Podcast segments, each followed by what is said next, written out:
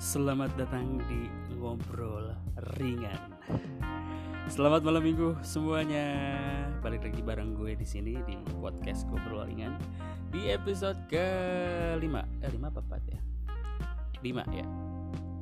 Ya, hari ini hari Sabtu seperti biasa gue kalau bikin podcast ya hari Sabtu, kalau enggak ya hari Minggu. Karena apa? Hari biasa gue kerja. malam minggu nih biasa di rumah aja kalau gue sih nggak pada mana nggak jomblo sih maksudnya emang sengaja gue tuh buat uh, mengisi waktu yang bermanfaat itu dengan membuat karya. Membuat sebuah sesuatu yang bisa bermanfaat lah dibanding harus keluarga jelas gitu kan. Oke okay, anyway uh, kemarin gue punya cerita lucu jadi harus lucu ya kalau nggak lucu nanti gue diketawain nih gue yang diketawain bukan cerita gue yang lucu gitu. Kemarin itu ada orang mabuk deket gue. Jadi ada orang mabuk supir angkot. Supir angkot nih supir angkot tengah malam mabuk ngamuk-ngamuk di pinggir jalan. Gue rada bingung. Ngapain dia mabuk ngamuknya dewekan. Asik dewekan. Ngamuk sendiri. Ngamuk sendiri aja gitu nggak jelas kondisi itu udah parah banget maksudnya dia itu udah telanjang gak pakai baju celananya hampir melorot. Dan gue rasa dia itu udah sangat mabuk gitu karena memang udah gak sadar. Karena kalau mabuk biasanya memang e, mempengaruhi kesadaran udah pasti. Maksudnya dia udah gak sadar apa apa gitu. Di situ gue jadi mikir kok orang mabuk sampai segitunya ya? apa sih yang bikin orang mabuk itu gue agak-agak penasaran kemarin itu jadi apa yang bikin dia mabok terus seberapa besar sih alkohol yang sama orang mabok kayak gitu? Nah makanya kali ini gue bakalan ngebahas tentang minuman beralkohol. Nah, siapa ya di sini yang suka mabok mabuk mabukan? Minuman keras miras. Nah sini kita bakal ngebahas tentang minuman beralkohol di Indonesia. Sebelum itu gue bakal mau ngejelasin dulu sedikit. Uh, jadi gue jadi kayak guru gini ngejelasin ya oke di Indonesia mungkin di dunia juga kali ya terbagi menjadi tiga golongan uh, jenis minuman beralkohol yang pertama adalah minuman dengan kadar etanol 1 sampai dengan 5%. Jenis minuman ini adalah yang paling banyak dijual di minimarket atau supermarket. Aneka bir adalah yang termasuk di jenis ini biasanya pada kadar 1-5%.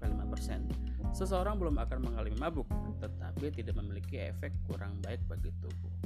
Tetap memiliki efek kurang baik bagi tubuh. Jadi yang kadar 1-5 ini lo bisa temuin di Alfamart, Alfamart, Indomart, terus Secret Kill kayak gitu-gitu gitu minimarket itu. Tapi tapi sekarang udah gak bisa sorry bro sekarang lo udah gak bisa mabok pinggir jalan sembarangan gitu. Dengan dengan bir-bir murah gak bisa.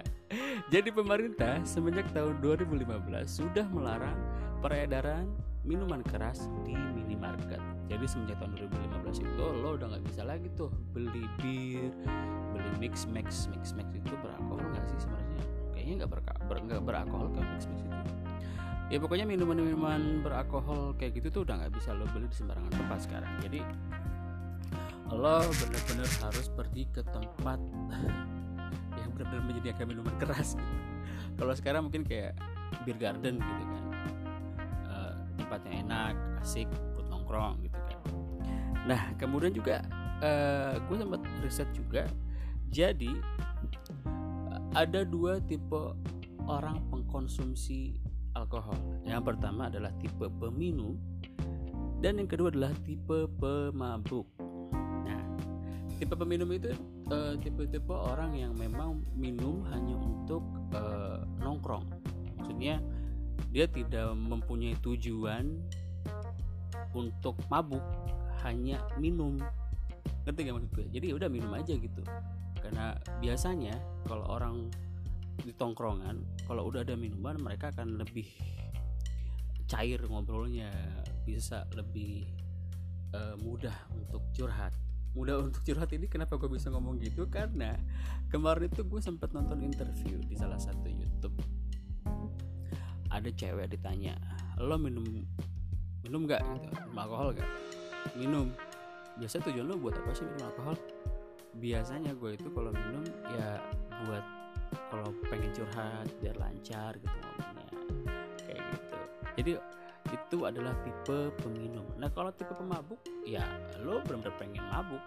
Mabuk kan itu tujuannya untuk menghilangkan sejenak uh, beban masalah yang ada. Jadi lu bisa nggak sadar gitu. Jadi kan masalah lu masalah lu nggak ada gitu kan. Karena lu mabuk jadi lu nggak sadar apa apa gitu. Padahal mabuk itu gak enak. Gue mabok bukan. Gue nggak mabok cuma gue tahu rasanya mabok kayak gimana. Sama lah kayak mabok perjalanan gitu sama-sama lah kayak gitu. Gak enaknya. Nah kemudian kita balik lagi ke riset. Kenapa gue jadi ngomongin riset? Uh, alkohol ya tapi nggak apa-apa ini ilmu untuk kita semua. Di Indonesia uh, pengguna minuman beralkohol itu udah banyak banget. Jadi menurut riset dari Badan Riset Kesehatan Dasar atau Riskesdas tahun 2000 tahun 2000 dalam 10 tahun terakhir konsumsi alkohol nasional justru mengalami peningkatan. Dari 35 provinsi yang disurvei, konsumsi alkohol hanya berkurang tiga provinsi saja, yakni Kepulauan Riau, Sumatera Selatan, dan Jambi. Sedangkan di 32 provinsi lainnya jumlah konsumsi alkohol bertambah. Ini membuktikan bahwa orang Indonesia suka mabok. suka mabok. Dalam keadaan apa pun, lo di tempat uh, di kampung nih, ini di kampung gue cerita nih, di kampung di tempat gue dulu ada salah ada satu tradisi namanya arisan minuman lo kebayang nggak lo ngumpulin duit setiap ada temen lo nikah lo ngasih duit dan itu dapatnya minuman beralkohol. Buat apa? Ketika lo nanti nikah lo nggak pusing lagi mikirin minuman buat temen-temen lo. Sampai segitunya. Lo bayangin. Ini ini tradisi di tempat gue. Ini mungkin di beberapa tempat ada kayak gitu juga tapi emang ini, kejadian gitu. Segitu berpengaruhnya kan minuman alkohol untuk generasi zaman sekarang gitu. Di zaman gue waktu itu minuman beralkohol sangat bebas di di apa dibeli gitu. Lo bisa beli minuman beralkohol uh, untuk kalangan menengah ke bawah ya. Kayak anggur merah. Kayak sekarang kan anggur merah ngetren lagi nih amer gitu kan. Oh cap orang tua udah pasti itu itu doang. Zamannya gue Amer itu udah jadi minuman sehari-hari. Maksudnya lo kalau misalnya mau mabok ya udah itu aja gitu minumannya nggak banyak pilihan karena pertama murah yang kedua lo gampang dapetnya. Lo beli di tukang jamu lo bisa mabok sampai tepar gitu kan. Kalau sekarang kan anak-anak sekarang biasanya pergi ke beer garden kayak gitu gitu kan. Tempat-tempat yang khusus memang untuk menjual minuman beralkohol tapi bukan di hiburan malam gitu. Bedanya gitu aja. Itu termasuk hiburan malam juga kali ya. Nggak tahu juga gue. Nah kemudian Bali menjadi provinsi yang peningkatannya paling tajam. Meskipun tiap tahunnya pemerintah Bali juga memusnahkan ribuan botol miras ilegal miras ilegal. Jadi perizinan juga menjadi salah satu masalah di eh, apa namanya regulasi minuman beralkohol di Indonesia ya. Karena banyak sekali mungkin karena pajaknya mahal atau apa mungkin. Jadi orang-orang tuh gamp akhirnya gampang memilih untuk yang tidak berizin yang ilegal gitu menurut Riskes Riskes das itu susah banget sih dibacanya ya Riskes Das 2018 alkohol yang paling banyak dikonsumsi di seluruh Indonesia adalah miras tradisional diikuti oleh bir, anggur, arak, whisky, oplosan dan jenis lainnya Nah, kan gue bilang juga apa? Anggur, anggur merah. Kalau bahasa itu wine, asik. Wine yang kalau di Eropa tuh wine yang udah diindepin berpuluh-puluh tahun, nah harganya bisa puluhan juta itu kan. Ini kalau di kampung anggur merah, cap orang tua, gampang aja bos. bisa beli di mana aja. Oplosan juga sama. Oplosan di tempat gue zaman dulu itu mungkin zaman sekarang juga sama ya. Lo tau apa namanya? Topi miring yang botolnya kotak kecil ada gambar orang lagi pakai topi terus miring gitu itu dicampur sama kerak dinding dua satu botol lo bisa mabok bareng-bareng murah lo bisa patungan lo bisa mabok bareng-bareng di situ beriringan dengan meningkatnya konsumsi alkohol nasional, korban tewas akibat miras oplosan juga semakin banyak. Tuh, oplosan miras bikin orang mati. Serem banget ya.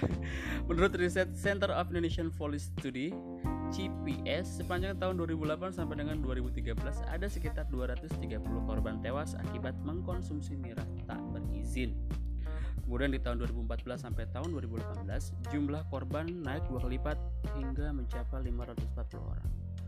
Wah, gila juga ya sampai 540 orang meninggal. Itu berarti uh, penggunanya memang udah merata karena dari jadi semua kalangan kecil juga sekarang udah pada belajar mabok anak SMP udah belajar mabok patungan buat minum buat gaya-gayaan doang gitu kan buat dapet gayanya doang gitu. Akhirnya kan ya mungkin balik lagi ke, uh, ke izin gitu.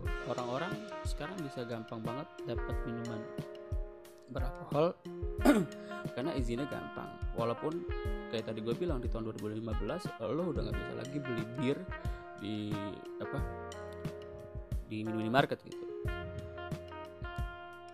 Nah, uh, kita pengen tahu deh sejarahnya di Indonesia itu lakukan kayak gimana sih?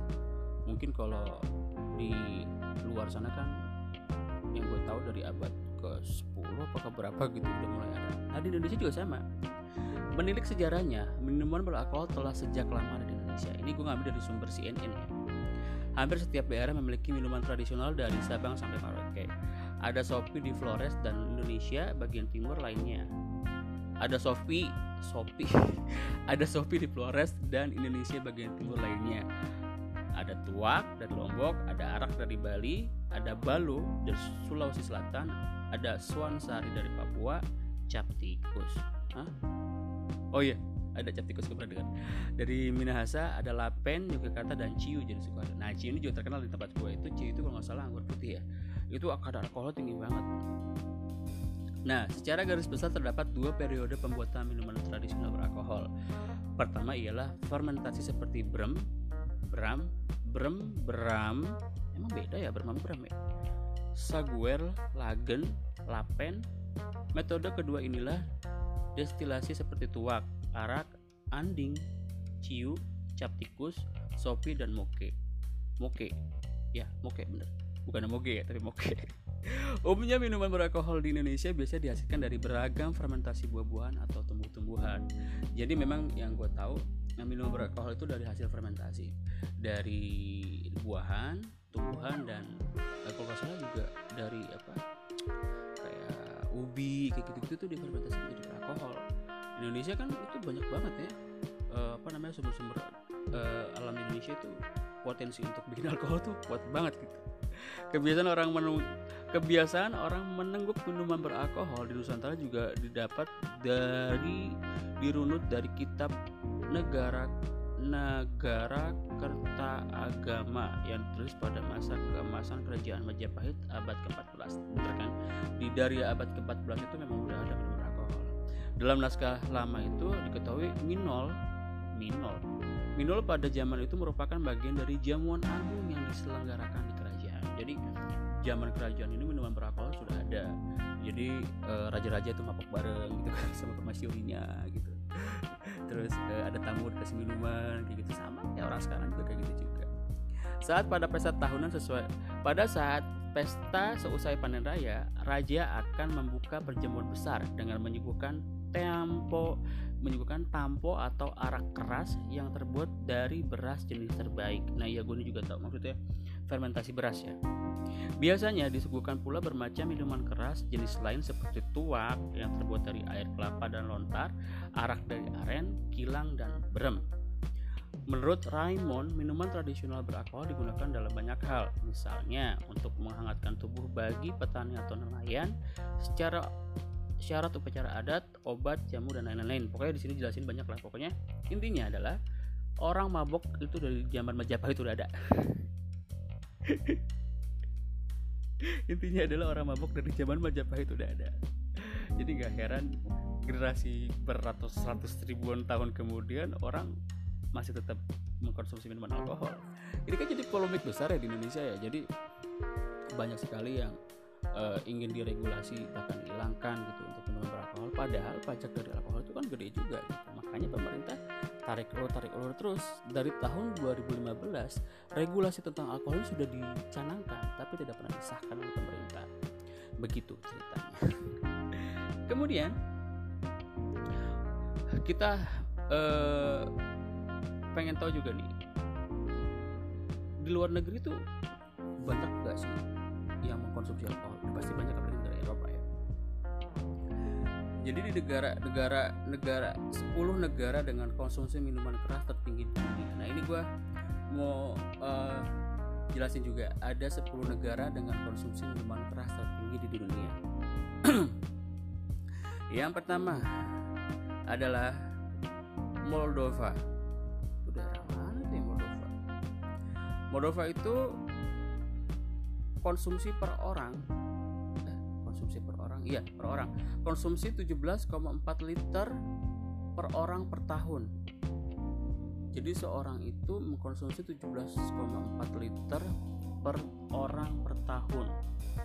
Bro azan dulu ya bro. Bentar ya bro